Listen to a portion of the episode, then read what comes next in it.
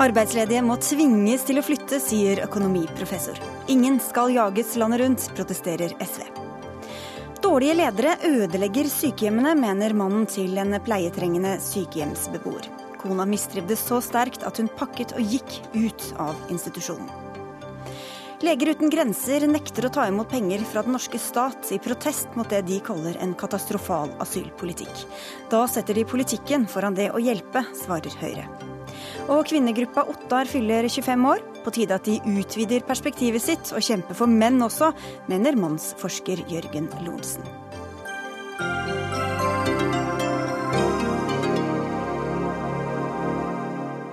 Jeg heter Sigrid Solund og ønsker velkommen til Dagsnytt 18 på NRK P2 og NRK2.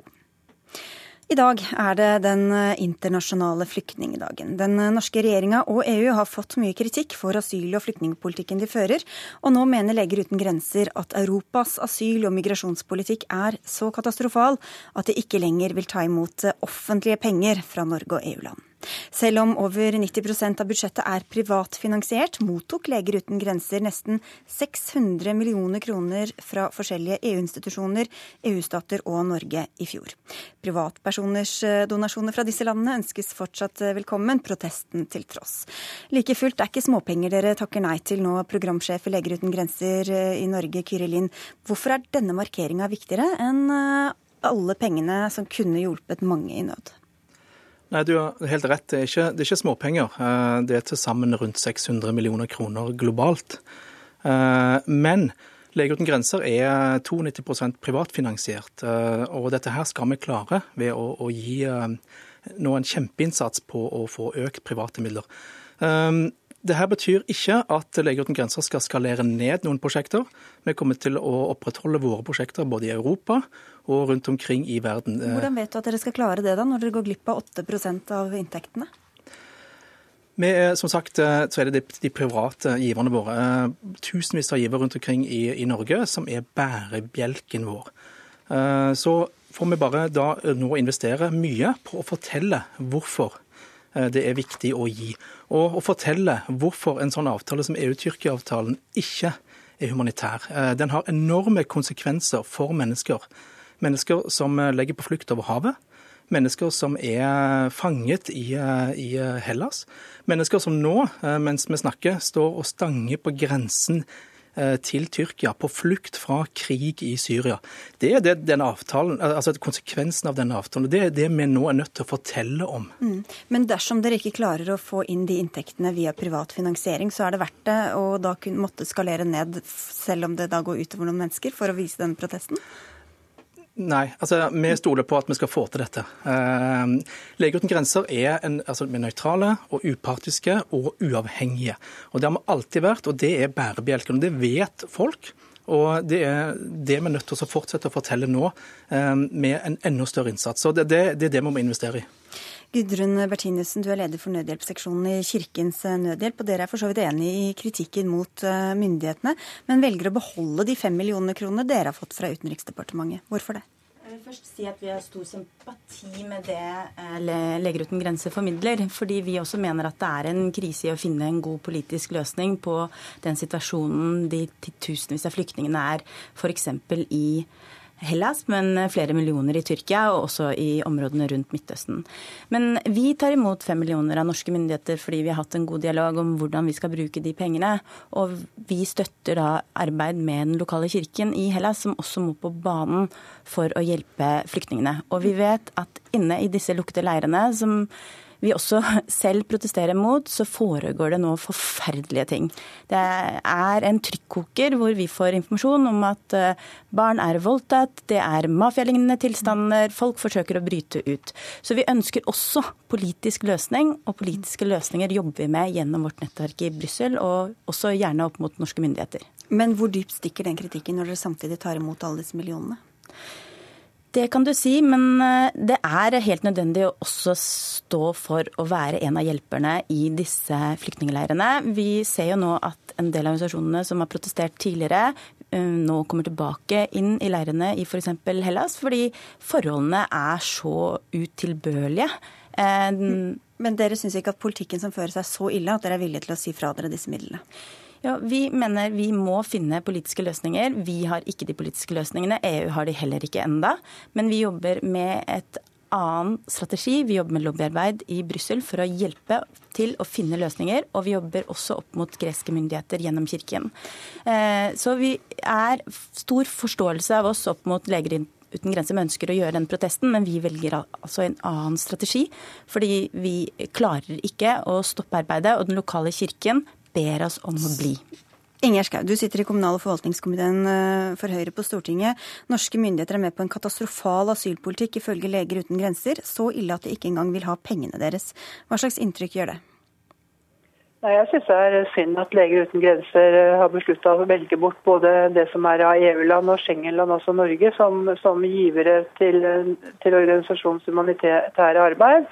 Men det er klart det må vi ta til etterretning. Eh, når Leger uten grenser gjør altså en viktig, men også et modig arbeid. Hva betyr det å ta det til etterretning? Betyr det at, det, at dere vil endre kursen i politikken, eller?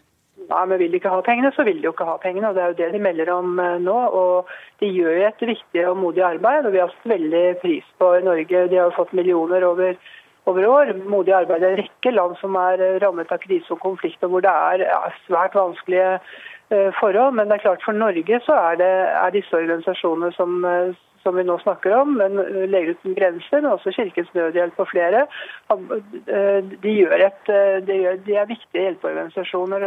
Og FN-systemet i tillegg er jo det som Norge mm. samarbeider med i humanitære innsatser. Men hva, Hvilket inntrykk gjør det da at de som opplever denne følgen av den politikken som dere er med på å føre, oppleves som så katastrofal at de ikke ønsker engang å ta imot de midlene som de kan få av dere? Men det er jo forferdelige situasjoner eh, rundt omkring nå hvor folk er på flukt. Det er ikke mulig å beskrive det som, eh, som noe annet enn en svært krevende. og Det vet disse organisasjonene, men det vet også norske myndigheter. og For oss har det jo vært viktig at det henger nøye sammen med det å skulle hjelpe, også å ha kontroll. Eh, og, og, den situasjonen som, eh, som Leger uten grenser henviser til når det gjelder avtalen mellom EU eh, e og Tyrkia, så er det viktig å si at Norge er altså ikke en del av EU, er sånn sett ikke en, en del av selve den avtalen. Men det er klart vi støtter også en del Ja, Vi har vel vært med, sagt at vi vil være med, og, og være med på ja, avtalen? ja. Ja, Vi vil bryte opp virksomheten når det gjelder smuglernettverk, og få et system for å hvordan, altså få til å regulere tilstrømningen til Hellas. Det er klart Vi skal også være med på det, det har, eh, har norske myndigheter sagt. men vi ser også at det begynner å virke. Altså det er nesten slutt på en del av ankomsten av blåflyktningene til de greske øyene. og det er ikke sånn at vår nasjonalpolitikk ikke sprer seg ut i verden. Det er signaler uh, om, uh, til også de som ønsker å legge ut på en farefull ferd. Ikke okay. alle har kriterier for å søke asyl. Noen ønsker seg en bedre tilværelse, selvfølgelig. Ja, det... Men det er altså de første vi har ansvar for. Ok, Kirillin. Hvis uh, suksesskriteriet er å stenge grensene til Europa, både, og, og, også stenge grensene eh, ved Tyrkia, tvinge folk ut på havet, så er det en suksess. Men hvis suksesskriteriene er å la mennesker få lov til som, altså mennesker på flukt får lov til å søke asyl på en trygg måte, så er det en, en, en forferdelig avtale, en, en, inhuman og kynisk avtale. Med, og En av de tingene som også er veldig viktig med den avtalen, er at den setter presedens. Eh, den viser et signal. Når Europa gjør dette her, så gjør også resten av verden det. Kenya eh, er nå i ferd med å stenge Dadaab, flyktningleiren. Det er verdens største flyktningleir. Og sender godt over 300 000 mennesker tilbake til Somalia. Og det gjør de med referanse til EU-Tyrkia-avtalen. Mm. Men tilbake til, altså Du sa selv at dere er en apolitisk organisasjon. Hvordan skal du unngå at dere blir oppfattet som politisk, når dere da går inn i det politikken på den måten som dere gjør nå? Dette er ikke politikk. Vi står fjellstøtt på humanitære eh, prinsipper og på retten til å søke asyl. Og Det har vi gjort i over 40 år.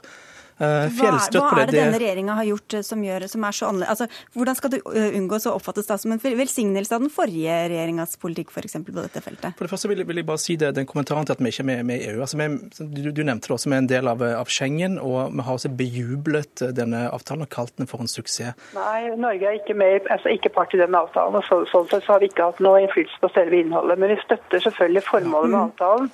Men hvordan skal dere unngå å bli tatt i inntekt for noen politisk med dette utspillet? Fordi at eh, vi står fjellstøtt på humanitære prinsipper. Det som har skjedd nå, er at eh, det humanitære har blitt tatt inn i politikken. Og at man kaller eh, grensekontroll kaller man for humanitært. At man, eh, man, gir Tyrkia, at man betaler Tyrkia penger for å ta seg av Europas utfordringer. Det er jo det som har skjedd. Sånn at det, det har blitt en sammenblanding av det humanitære her og, og, og politikk som, som ikke vi vil være en del av. Så, men til det jeg sa, da, hvordan skal dere da unngå at det, blir tatt til inntekt for f.eks. visse partiers politikk, da, det, det, dere nå går ut med? Med å si det jeg sier nå hele tiden.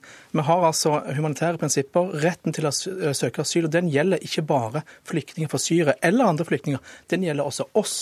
Eh, oss som mennesker. Vi har rett til, når det er noe som skjer, vi har rett til å flykte, komme til et land og søke asyl der. Og det må vi eh, opprettholde. Hvor ville grensa gått for dere i Kirkens Nødhjelp, da? For hva dere ikke ville vært med på å ta imot penger fra?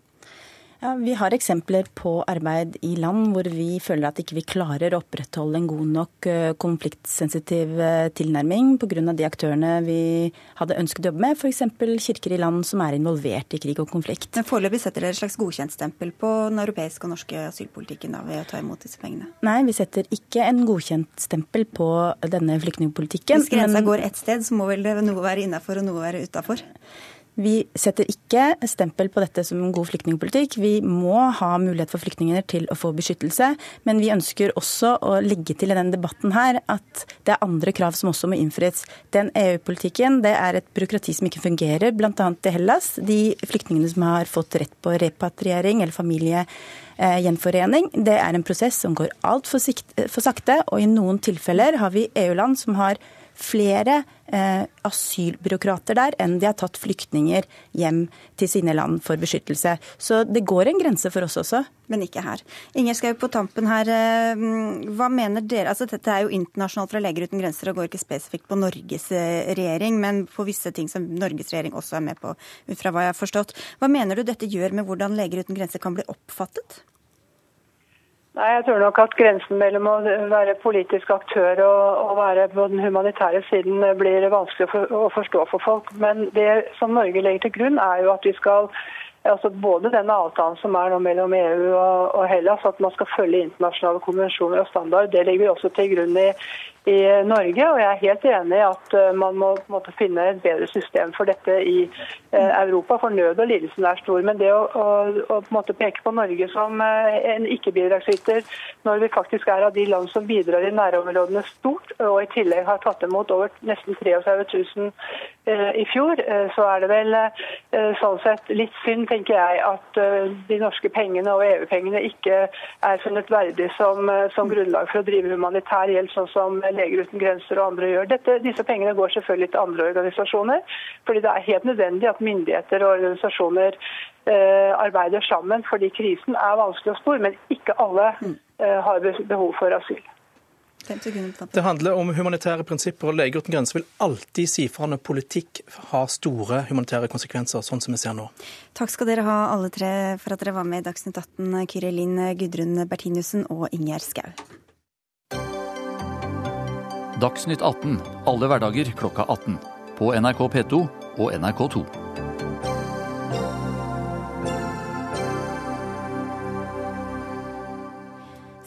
Folk tvinges til å flytte på seg og familien for å få jobb? Tall fra Nav viser at bare to av ti arbeidsledige i Stavanger-regionen ønsker å flytte til andre steder i landet for å få seg arbeid. Dette til tross for at det er skrikende behov for arbeidskraft i Nord-Norge. Både reiselivsbransjen og bygg- og anleggsbransjen i Nordland og Troms mangler kvalifisert arbeidskraft, skriver VG i dag. Og Nav-direktør Sigrun Våging, hvor ofte skjer det at dere krever at folk må flytte, selv om de ønsker å bli boende der de er og håper å få ny jobb der? Vi er nok ganske tydelige til eh, de som uh, søker arbeid, at uh, det er en forutsetning for å få dagpenger at du rører på deg. Fordi regelverket er laget sånn at når du blir tilbudt arbeid, så skal du ta det, enten det er heltid eller deltid. Og det å flytte på seg er ikke noe grunn til å ikke ta imot arbeid. Men hva, når du sier flytte på deg, betyr det over kommunegrensa, eller betyr det liksom helt i andre enden av landet? Det kan godt være i andre deler av landet, fordi vi har ett arbeidsmarked her i landet. Og hva, Hvilke grunner gir unntak for denne hovedregelen om at man må være mobil og villig til å flytte på seg? Eh, det kan være hvis du har spesielle omsorgsbehov f.eks., eller om det er uh, høy alder, uh, så kan det også være med på å påvirke. Men for øvrig så skal du gjerne røre på deg. Men hvis du har en syk mor eller et barn som går i barnehagen, altså hvor går den grensa for hva som regnes som unntakstilstand? Det er jo som oftest en dialog mellom Nav-kontoret og den som søker arbeid. Vår, vår jobb er jo å få folk i arbeid, ikke sant? og da er det om å gjøre å vise dem de mulighetene som fins. Jeg tror vi ser av de tallene som vi har, tross alt, at ganske mange velger å, å dra et annet sted for å finne en jobb istedenfor å gå ledig og få dagpenger. Men hvor ofte har dere da setter dere hardt mot hardt og sier at her må du faktisk flytte? Ehm, hvis vi måler i hvor mange vi da har fratatt dagpengene, så er det ikke mange vi snakker om. Vi snakker om lag 100 stykker i året.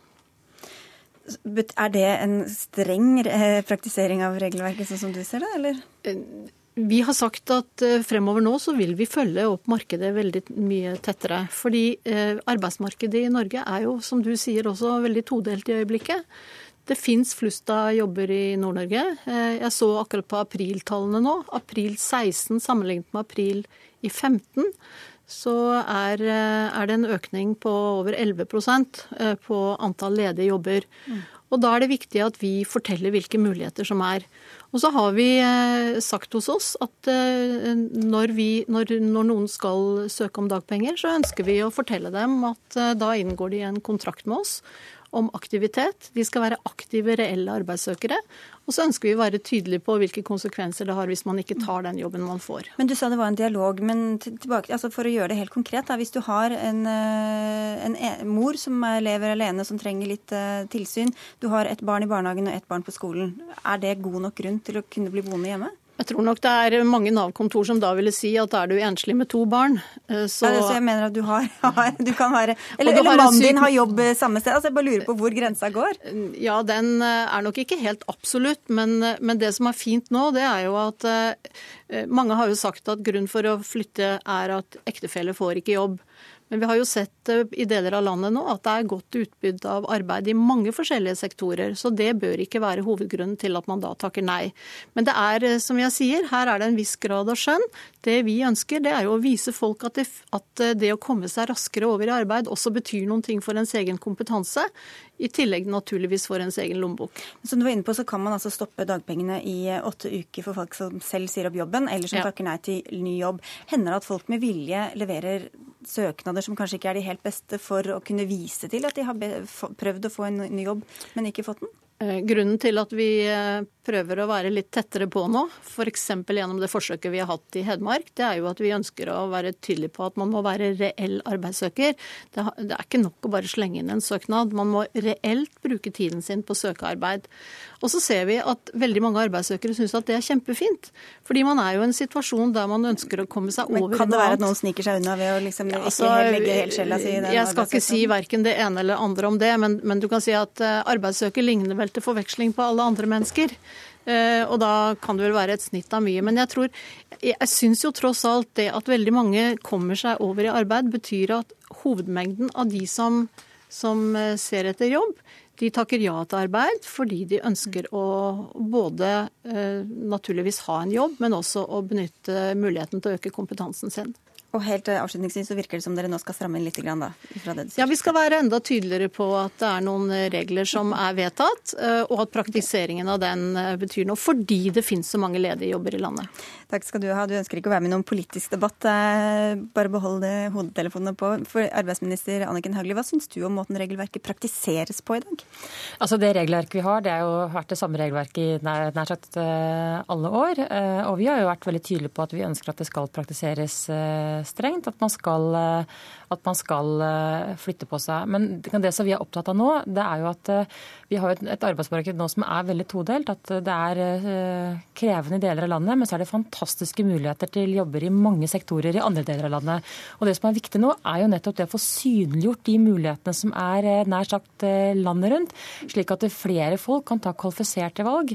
Jeg tror de aller fleste som mister jobben nå, de ønsker å komme seg i jobb raskt, både av hensyn til økonomi, Men også av hensyn til faglig og sosialt fellesskap, så er det jo ingen som ønsker å gå ledig dersom man kan få jobber Nei. andre steder. Men det er kanskje mange som ikke ønsker å flytte på seg eh, mange mil av gårde og bryte opp alt de har, og at ektefellen må si opp sin jobb for å skaffe seg jobb et annet sted. Nei, og, da, og da er det som også Vågen sier, at du har, liksom, du har skjønn på det. ikke sant? Det kan være grunner til at man ikke kan, altså det er vanskelig å flytte til andre deler av landet. Men jeg tror også det er viktig å si at, at selv om man flytter på seg, altså man behøver ikke gjøre et valg for livet. Man kan jo flytte på seg en periode, man kan jo kanskje pendle. og Mange av de som nå blir ledige, er jo også vant til å, å pendle. Jeg var jo besøkte Tromsø forrige uke. Og det er jo en by som det er verdt å bo i en liten stund, men ikke resten av livet. oh, ja. der, der du, kan du vente deg et par mailer der. Ola Grytten, professor ved Institutt for samfunnsøkonomi ved Norges handelshøyskole. Du mener at myndighetene fokuserer for mye på å gi folk penger. Hva bør de gjøre i stedet da?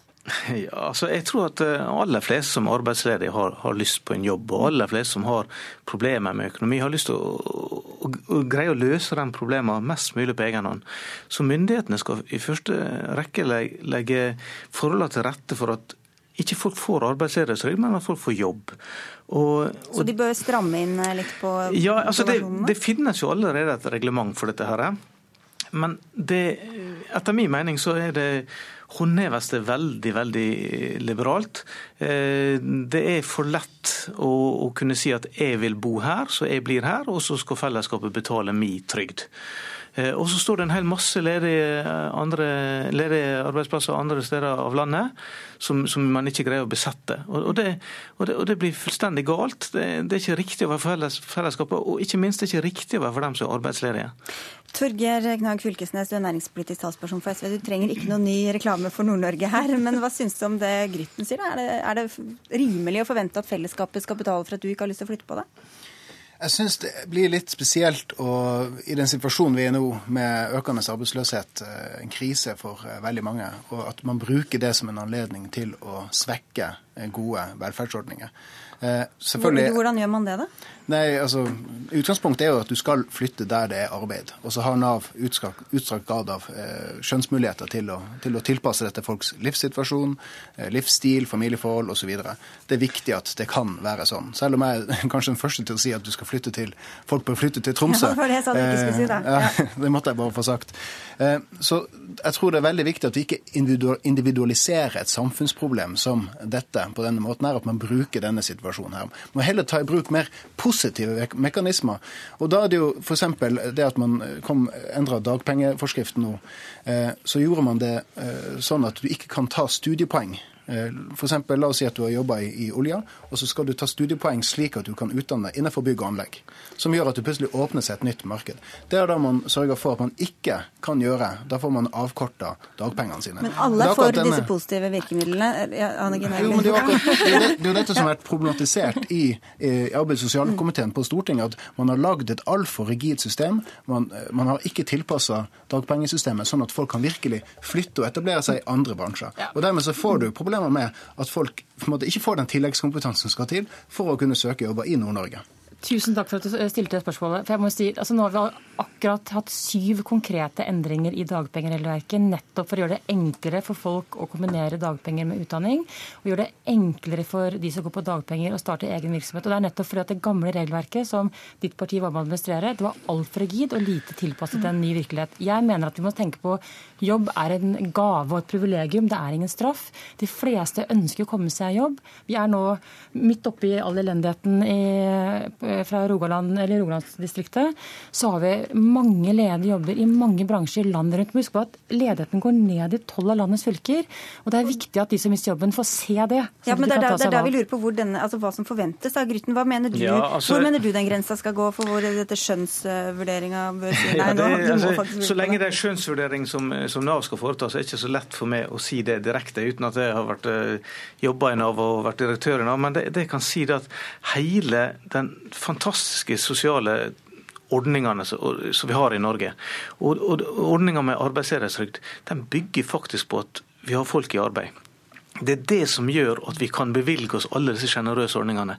Og Hvis vi har en innstilling som sier at nei, det er ikke så farlig, du kan bare bli værende, og, og det ene etter det andre, så, så sparker vi beina under oss sjøl. Da har ikke vi sånne sjenerøse ordninger som vi kan gi for i fremtida.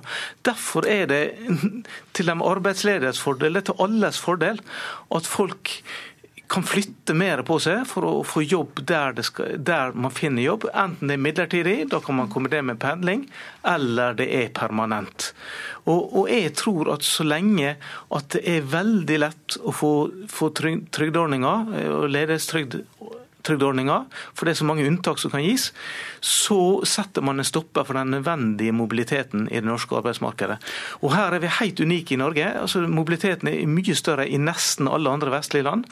Og, og Det gjør at vi mister et klart konkurransefortrinn, og det gjør at vi slår rett og slett beina under våre egne ordninger. Det er jo ikke snakk om å tvangsflytte noe, men det er jo snakk om hvor, jeg skal stille Tor Knag Fylkesnes et spørsmål her. Eller, altså, det, er, det, er, ikke snakk om tvangsflytte, men det er snakk om man skal faktisk gi dem penger ja, for å liksom bli boende.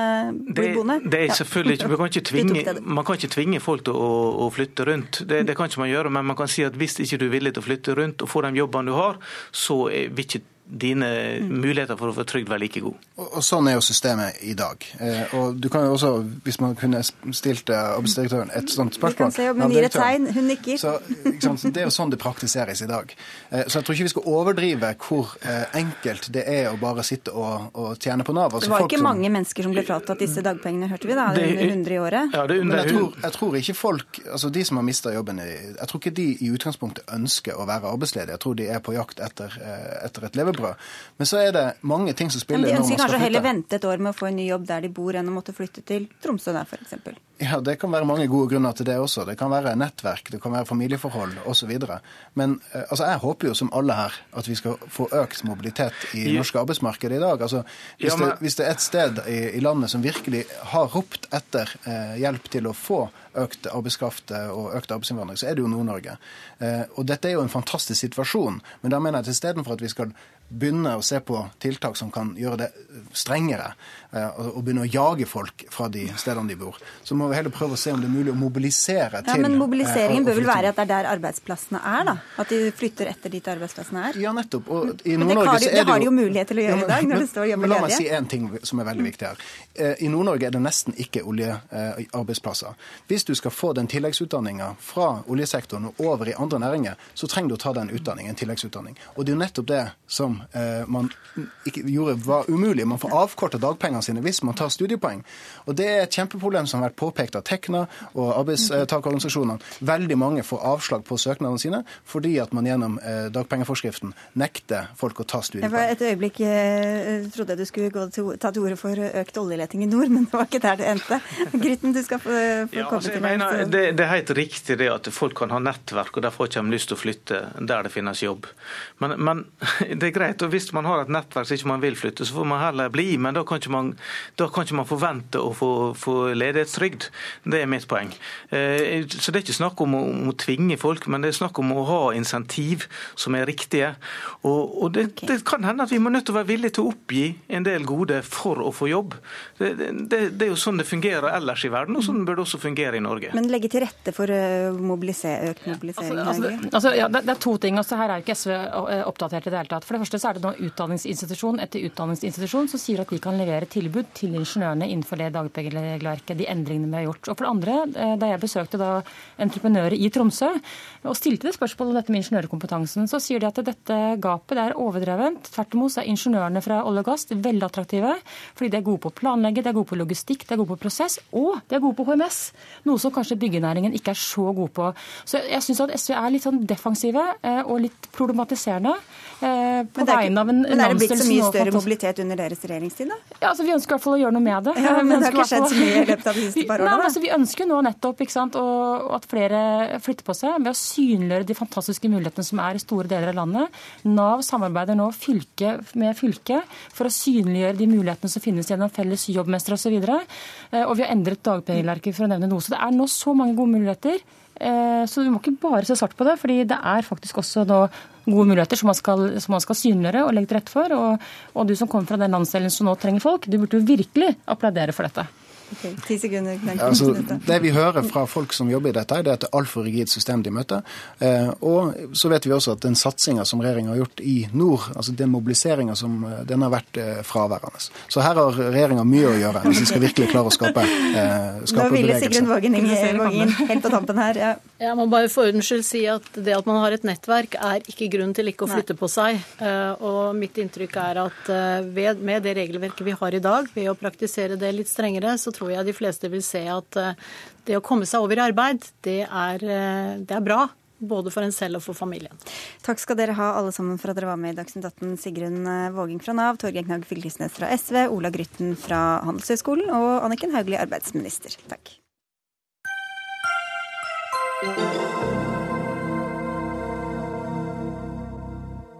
Vi må våge hval, skriver matjournalist og forfatter Yngve Ekern i VG i dag. I tre tiår har verden protestert mot norsk hvalfangst. Nå er det vår egen manglende interesse for kjøttet som truer hele fangsten, skriver du altså, Yngve Ekern. Hvorfor vil du ha oss til å spise mer hval? Først og fremst fordi det er veldig godt kjøtt, velsmakende. Dernest at det er veldig sunt, høyt omega-3-innhold. Og så er det det mest bærekraftige kjøttet vi kan spise. Og det er alle miljøvernorganisasjoner enige om. Hvis... Så her snakker kokker og miljøvernere samme språk. Men hva er det folk ikke har skjønt, da? De vil jo ikke ha det. Jeg tror kanskje det er et generasjonsspørsmål. At uh, folk under 45 har ikke blitt gjort uh, oppmerksomme på hvor godt det er.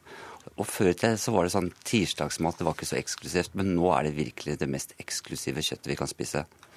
Som du var inne på, så er det ikke så mange organisasjoner som kjemper hvalens eh, sak lenger. Men dere gjør det i NOAH for dyrs rettigheter, hvor du er veterinær og leder, Siri Martinsen.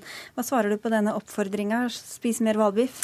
Jeg syns jo den er litt utdatert. Eh, det er eh, bra at folk har skjønt at det ikke er vits å spise hval. At det fins mye annen god mat og vegetarisk mat, som jeg håper vi begge er opptatt av, er jo stadig på fremmarsj.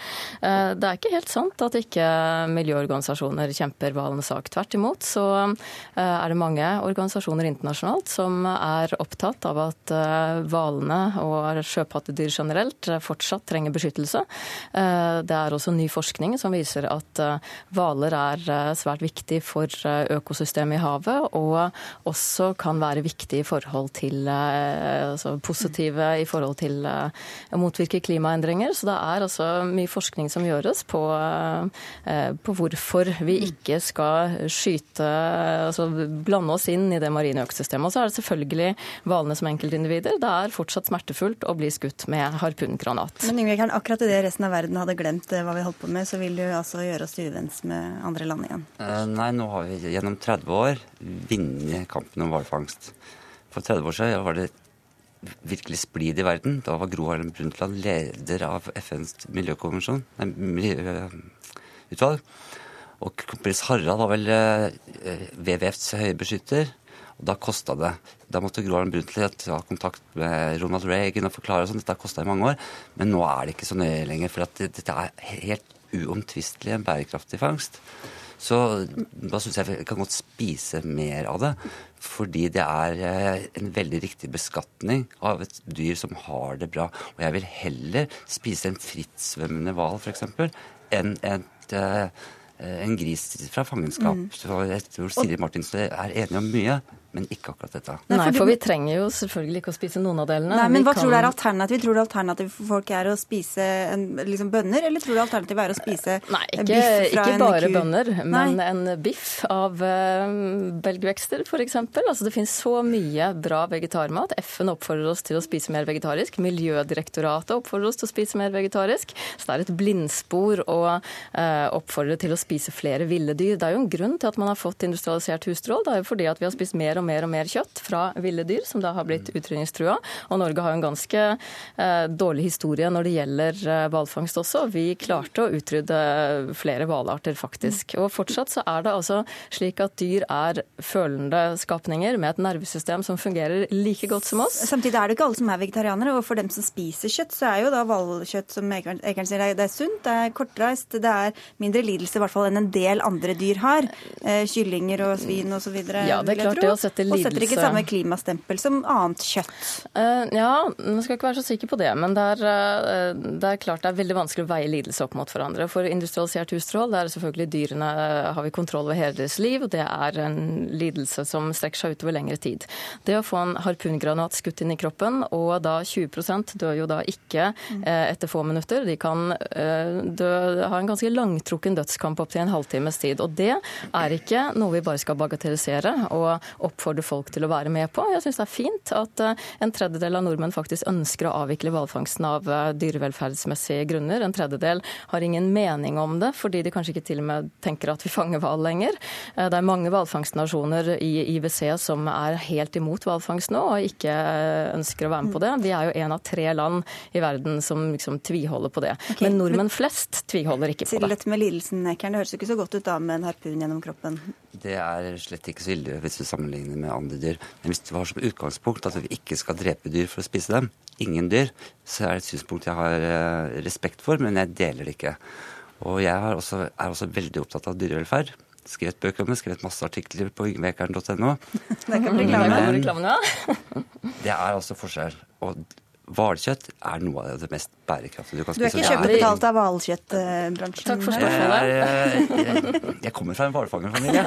Jeg har i dag vært på urnenedsettelse for faren min. Oh ja. Og han begynte med hvalfangst da han var 16 år. Og han var også veldig opptatt av dyrevelferd.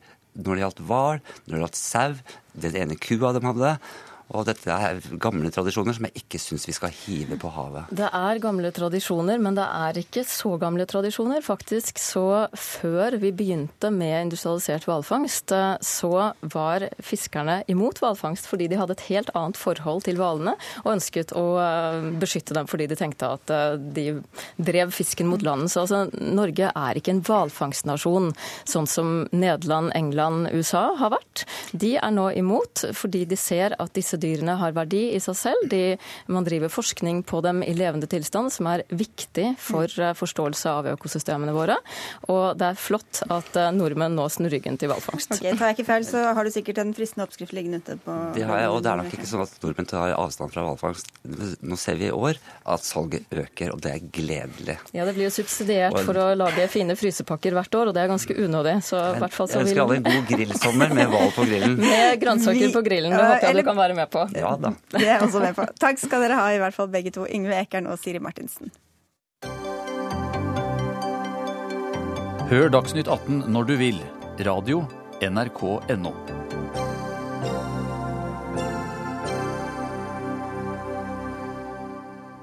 I 25 år har kvinnegruppa Ottar slåss mot stripping, porno og patriarkatet. Og like lenge har en del kvinner insistert på at de er feminister, men brukt begrepet ikke sånn som Ottar. Denne helga feira kvinnebevegelsens kompromissløse pitbull seg selv, men blant gratulantene i Dagbladet dukket opp en stemme som mente at de burde tenke mer på menn. Og denne litt syrlige gratulasjonen kan vi vel si kom fra deg, mannsforsker Jørgen Lorentzen. Hvorfor mener du det nå er på tide at kvinnegruppa Ottar tenker på menn?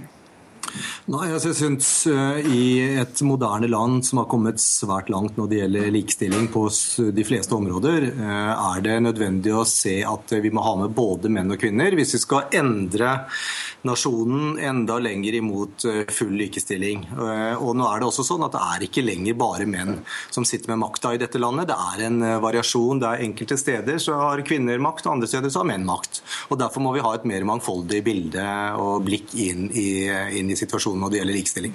Annestø, jeg får gratulere først eh, som leder av kvinnegruppa Ottar med 25 år. Tusen takk. Føler du deg truffet av denne kritikken? Eh, dere er litt utdatert og tenker bare på kvinner? Nei, absolutt ikke. Vi tenker ganske mye på menn. Eh, og kvinnebevegelsen er jo faktisk mannens aller beste venn. Takket være oss så har jo norske menn fått rett til pappaperm. Og det er mer naturlig at, at menn nå er hjemme og tar seg av barn. Og ja, Vi har åpna opp kjønnsrollene eh, i Norge, både for, eh, for, menn og for kvinner. Men har dere stivna i de samme kjønnsrollene som var for 20 år siden, og ikke tenker at også menn kan være eh, underlegen kvinne, eller ikke ha de samme mulighetene som kvinner i dagens samfunn? Jeg vet ikke helt hvor eh, mannsforskeren eh, bommer her, men vi har jo fortsatt et, et system i Norge, en kjønnsmaktstruktur, hvor menn har mer makt og mer, eh, mer penger eh, og bestemmer mer i samfunnet enn menn har, enn kvinner. Og for så er det jo sånn at det fortsatt er 77% av de norske ordførerne menn. Over 70% av de som snakker og uttaler seg i mediene, er menn. Så vi har fortsatt langt å gå før kvinner har halve makta. Og menn har jo egne grupper og egne sentre som skal fremme deres interesser. Hvorfor skal kvinnegruppa ta på seg denne oppgaven og ta deres perspektiv, Lorentzen? Nei, altså jeg, jeg, tror det er helt uh, nødvendig hvis de skal klare oss å se hvordan virkeligheten ser ut. Altså Med et rent, rendyrka kvinneperspektiv så blir de blinde for hva virkeligheten også er. Uh, men la meg først si, siden Anne Støe er der nå, jeg ønsker henne gratulere med dagen. Og som mann så må jeg si det at uh, det er jo veldig hyggelig at vi menn har gitt kvinner stemmerett. Så det er veldig hyggelig at vi menn har gitt kvinner rett til selvbestemt abort osv. Fordi at de demokratiske bestemmelsene vi tar i en demokratisk nasjon, de tas av både menn og kvinner sammen. Ok, så selv om du, ja, For du kaller deg vel feminist selv òg? Jeg har vært eh, feminist siden jeg var 15 år gammel, så jeg har levd, levd, med det perspektivet i veldig veldig lang tid. Men det er ikke bare kvinnebevegelsen du har å takke for de gavene for å si det sånn, som menn har fått de siste årene, mener du? Altså, Jeg er veldig glad i kvinnebevegelsen, og spesielt den kvinnebevegelsen var på 70-tallet, som kjempet fram utrolig viktige reformer som demokratiserte dette landet på helt vesentlige punkter. Og det er klart, også da på 70-tallet hadde de et integrert perspektiv mye tydeligere i forhold til at menn skulle være med, enn det jeg syns Ottar eh, har gjort. Ottar har jo rendyrka et kvinneperspektiv, og det syns jeg er feil vei å gå i forhold til nødvendigheten av å ha et integrert perspektiv. Ja, og, da er det jo sånn at Du har rett og slett gått glipp av da, det faktum at uh, det er langt igjen til likestilling i dag. Og så Når jeg hører deg snakke, så, så, høres det ut som at ja, noen damer har litt problemer, og noen menn har litt problemer, og det må vi alle stå sammen om. Eh, og det handler jo ikke om det. Det handler jo om eh, at menn som gruppe fortsatt har mer makt i samfunnet enn kvinner som gruppe. Det er fortsatt sånn at, at kvinner utsettes for vold og voldtekt. Menn bruker porno og prostitusjon. Altså, vi har en lang vei å gå. Men som kvinnebevegelse så, så tror vi jo på at, at menns holdninger og atferd kan forandre seg. Og, og, Derfor så, så blir jeg litt overraska når du sier at vi ikke er opptatt av menn, for det, det, men, det, er vi virkelig. Men er dere opptatt av også de arenaene der menn taper, f.eks. på utdanningsfronten, eh, som Jørgen Lorentzen også nevner? Ja, Det er mulig at menn taper på, på utdanningsfronten, eh, men eh, saken er jo at eh, grunnen til at kvinner er overrepresentert i utdanningsinstitusjonene, er jo fordi vi gjør så godt vi kan for å prøve å oppnå eh, lik lønn. Menn tjener fortsatt mer enn ja, men Det kan vel også være at utdanningsinstitusjonene er mer retta inn mot typiske jenter på barneskolen f.eks., ungdomsskolen og videregående? Jeg mener det har en sammenheng med at damer, altså som kvinner, er vi vokst, vokst opp i Norge med likestillingsmyten vi tror på at eh, vi kan eh, få like mye makt og tjene like mye som menn. Og så vet vi at eh, det fordrer at vi tar utdanning og ikke går inn i de typiske kvinneyrkene.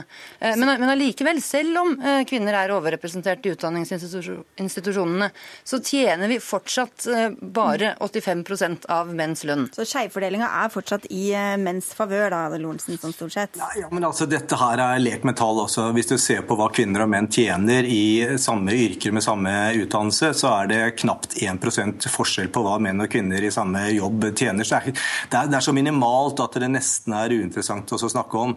Og Vi kommer til å se en gedigen endring i dette nå framover. fordi at eh, alle de yrkene som går inn i de tradisjonelle høytlønnsyrker i Norge, så ligger kvinner med 70-90% av studentmassen. Eh, og Det forundrer meg at ikke eh, ja, alle feminister, alle kvinnelige feminister kjemper mye sterkere for å endre på den rekrutteringa og den skjevfordelinga som nå er. For vi hadde vært 80% jenter på medisinstudiet, nei, 80% gutter på medisinstudiet, så hadde det jo selvfølgelig vært et ramaskrik. Og mange tiltak hadde blitt satt, blitt satt, inn. Nå blir det ikke satt inn et eneste tiltak, enda vi ser at det er 80-90% på helt sentrale samfunnsmessige viktige studier som medisin, psykologi, odontologi osv. Og, og der har jo du sikkert en viktig at ikke det gjøres mye mer. Hun er jubilant, så hun får avslutte. Ja. Og da har jo du en viktig jobb å gjøre der, Lorentzen. Du som eh, faktisk har som jobb eh, å drive med dette. Mens vi i kvinnebevegelsen som må ha andre jobber for å tjene til livets opphold og gjøre dette på, på fritida vår, eh, vi har òg en, en, viktig del å gjøre i forhold til å løfte kvinners samfunnsmessige betydning. Vi får avslutte der og si tusen takk til dere begge to, Anne Stø fra kvinnegruppa Ottar og Jørgen Lorentzen, mannsforsker. Takk skal dere ha.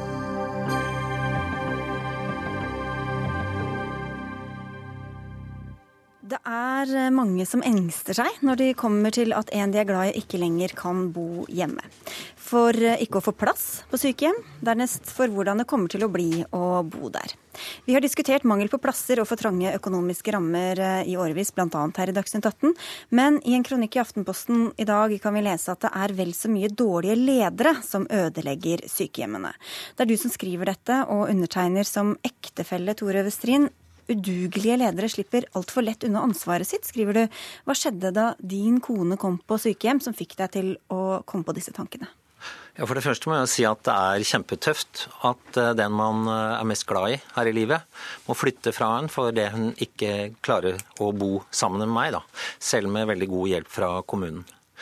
Så vi ble tatt imot på en veldig ålreit måte på sykehjemmet og ble sagt at eh, dette skal være et, som et hjem for dere. Og det, det, var veldig godt å høre.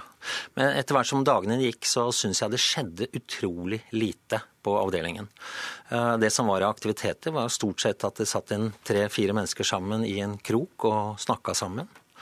Jeg syns det var merkelig at man serverer middag til folk klokka halv to på dagen. Jeg reagerte veldig kraftig da det ble satt bleier på kona mi. Hun har aldri gjort på seg, for å si det sånn. Og dette reagerte jeg veldig, veldig på, og kalte for et uh, overgrep. Uh, og jeg forsøkte å ta det opp gjentatte ganger, komme i dialog med ledelsen, og opplevde at jeg møtte en altså, mur av uh, manglende vilje til å innrømme svakheter og feil. Ledelsen ved dette det Stabekk bo- og behandlingssenter i Bærum som du snakker om, de eh, fikk muligheten til å komme hit i dag, men de takket nei til det. Eh, og du skriver også at kona di opplevde for første gang autoritetsangst for leger og pleiere i hvitt, og beskriver en episode hvor du prøvde å, trøste henne og, trygge henne ved å legge deg i senga sammen med henne. Hva skjedde da? Ja, Det var en episode da hun eh, fikk lungebetennelse. Og så fikk hun pustebesvær, rett og slett panikkangst. Jeg var på rommet hennes og la meg bak ryggen hennes og dro i snora for å få hjelp. Så kom det en pleier inn i døra som ropte til meg ut av senga, ut av senga.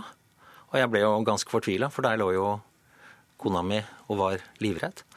Eh, jeg måtte jo gå ut av senga da, eh, og gikk etter pleieren. Og hun sa at jeg vil ikke ta imot eh, beskjed fra deg om å hjelpe kona di. Så sa jeg men det er derfor hun er her, for hun kan jo ikke si ifra selv. Og det var litt eh, Ja. Det, det, var jo helt uforståelig. Eh, og da jeg tok det opp med ledelsen, så de avfeide det og lo litt av det. Og så sa at dette er en kulturkollisjon, Bestrin. Det må du liksom finne deg i når kona di er pasient på et sykehjem. Mm. Så, så, disse eksemplene som du nevner, at dere da heller ikke følte det som et hjem, sånn som jeg forstår deg, da, for, for kona di, det, det, tenker du at det har ikke nødvendigvis noe med bemanningssituasjon eller økonomi å gjøre, men med ledelse og kultur på dette sykehjemmet? Ja, jeg tok f.eks. opp dette med, med, med må alle sammen gå i hvitt. Kona mi hun har vært gift med en lege før. Hun har jobba i helsesektoren, aldri hatt uh, si, panikk for folk i hvitt. Men der så opplevde hun at uh, de med makt og kontroll, som styrer livet mitt, de går i hvitt. Hun turte ikke engang å ta på seg hvite bukser og hvit uh, skjorte på sommeren, for hun sa at jeg tror ikke de lar meg gå i dette. da. Og så kom jo den episoden som jeg beskriver, hvor hvor hun eh, Ja, jeg, tenker at dette handler om kultur. Det koster jo ikke mer penger å skifte farge på uniformene. Det koster ikke penger å flytte på et måltid, middagen fra klokka uh, halv to til klokka fem f.eks. Uh, men uh, jeg ble møtt med argumenter som at uh, de som styrte dette sykehuset, de hadde, mm. legene hadde syv års utdannelse. Du må høre på det. Eh, som sagt ville ikke sykehjemmet være her, men Morten Svarverud, du er kommunalsjef eh, i eh, Bærum kommune. Hvordan lever du med denne attesten for dette ene sykehjemmet? Nei, her i Bærum kommune så ønsker vi jo å ha en best mulig kommunikasjon og dialog med hver enkelt pasient og pårørende for å finne de beste løsningene. Og jeg, jeg må bare få beklage at denne kommunikasjonen har vi ikke fått til med Westrin og hans kone på Stabekk. selvsagt Er det kommunikasjonen nødvendigvis det er noe galt med, eller kan det være at det rett og slett er eh, sykehjemsdriften og ledelseskulturen og så videre som er noe galt med? Det kan selvsagt være. Men akkurat ved Stabekk eh, behandlingssenter så er vi trygge på ledelsen. Vi har god ledelse. Eh, og de, de, de, opplever dette som veldig leit, at vi ikke fikk til denne kommunikasjonen. Eh, og etter kronikken eh, til Vestrin i Aftenposten i dag, så har vi fått flere henvendelser fra andre pårørende som ikke kjenner seg igjen i hele tatt. Mm. Og, og, det skal vi ikke bruke som noen forklaring eller unnskyldning knyttet til dette, men, men, det viser at kommunikasjon er fryktelig vanskelig, og noe av det viktigste ledere mm. kan gjøre. Jeg må bare si at Dere fikk til slutt nok. Dere fikk også plass på et annet sykehjem hvor dere er mm. mye mer fornøyd, også, også ja. i Bærum eh, kommune. Men hvordan vet du, altså det er jo mange individer på et sånt sted, har mm. ulike behov. Hvordan vet du at det skyldes ledelsen og kulturen på sykehjemmet, og ikke bare dårlig kommunikasjon f.eks.? Altså dårlig kommunikasjon. Jeg var, jeg, si, jeg var hos kona mi hver dag. Jeg snakka med de ansatte. Jeg eh, tok opp en del forhold i eh, e-poster. Og så ble jeg innkalt da til et eh, oppklaringsmøte hvor det var åtte mennesker i hvitt som var, for å si det sånn, mot meg. Eh, jeg har aldri, aldri i livet mitt gått fra et sted og følt meg så maktesløs og liten. Og de brukte altså et språk som skulle handle om en byggesak, hva som helst, men ikke mennesker. Så tenker jeg, er det ikke litt, er det ikke litt enkelt da, å si at vi har et kommunikasjonsproblem. Mm. Ledelsen på Stabekk leverer de luxe. Ergo problemet må jo være meg som ikke klarer å kommunisere. Og da er det tankekors for meg at kona mi er kommet på et sted hvor kommunikasjonen fungerer veldig fint.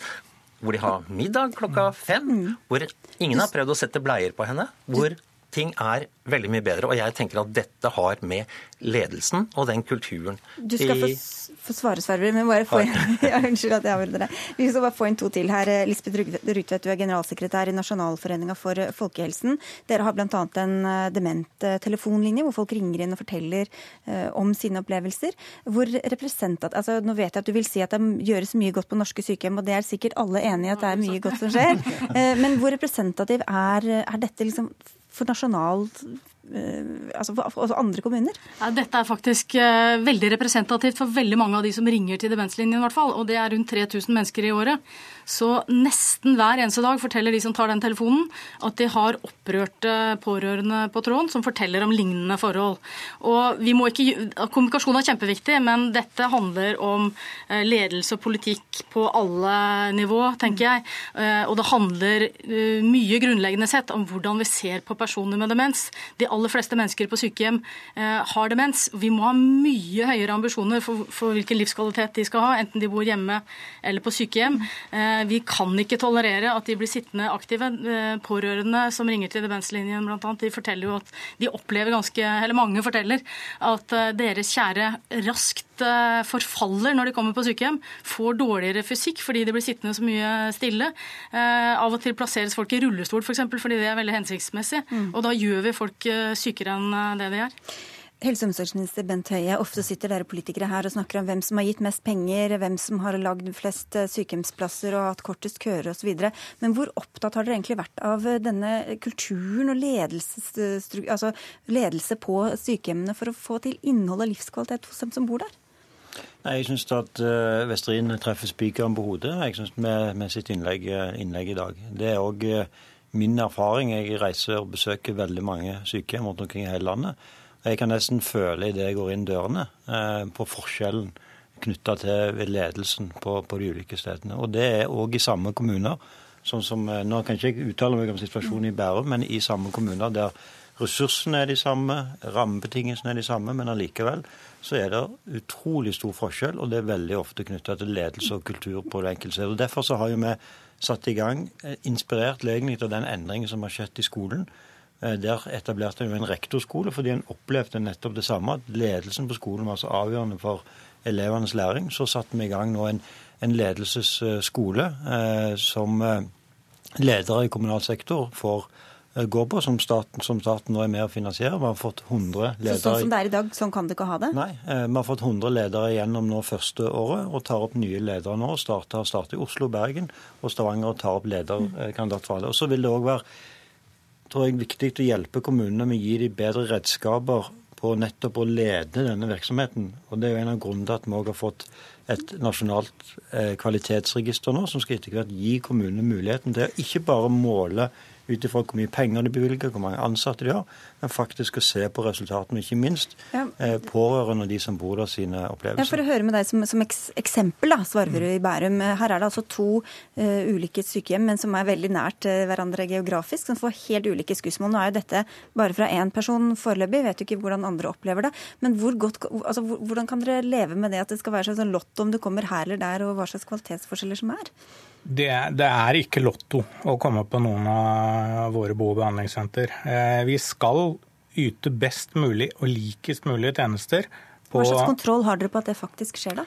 Der har vi styringssystemet hvor vi måler eh, på kvalitet, vi måler på, på Snakker dere med de pårørende og, og ja, hvordan de opplever det? Vi har eh, brukerundersøkelser.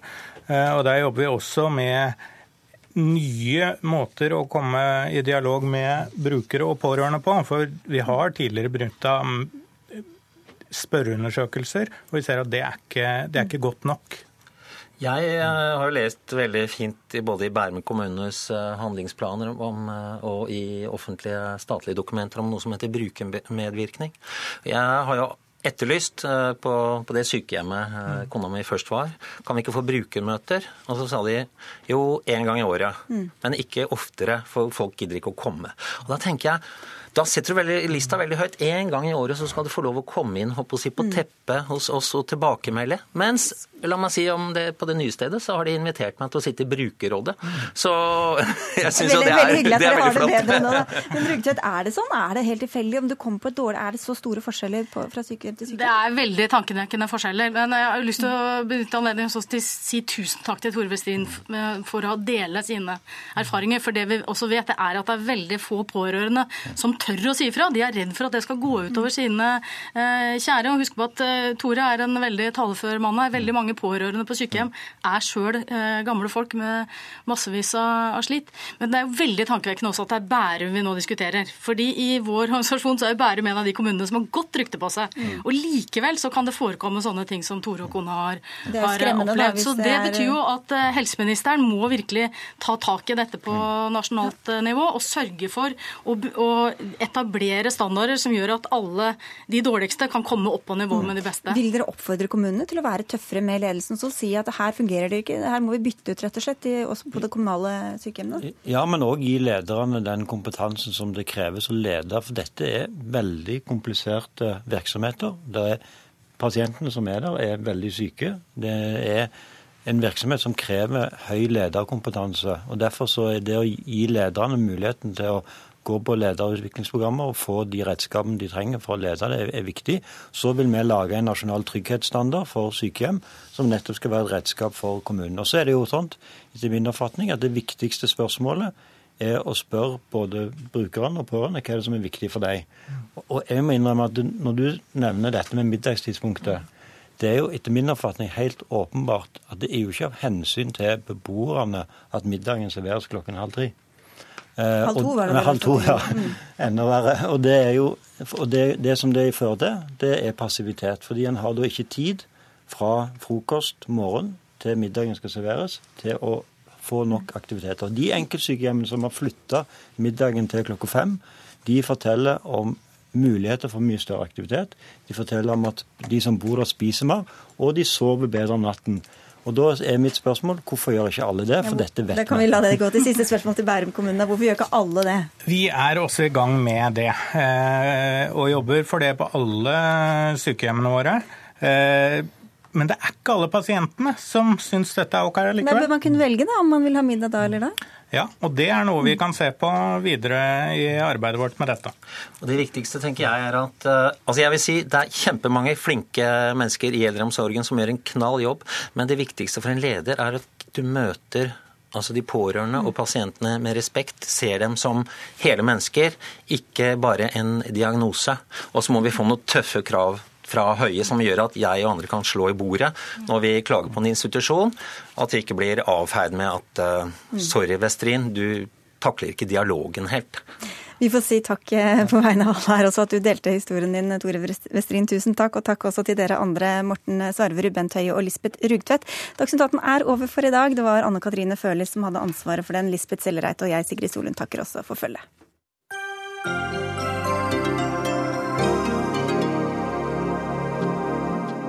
Hør flere podkaster på nrk.no podkast.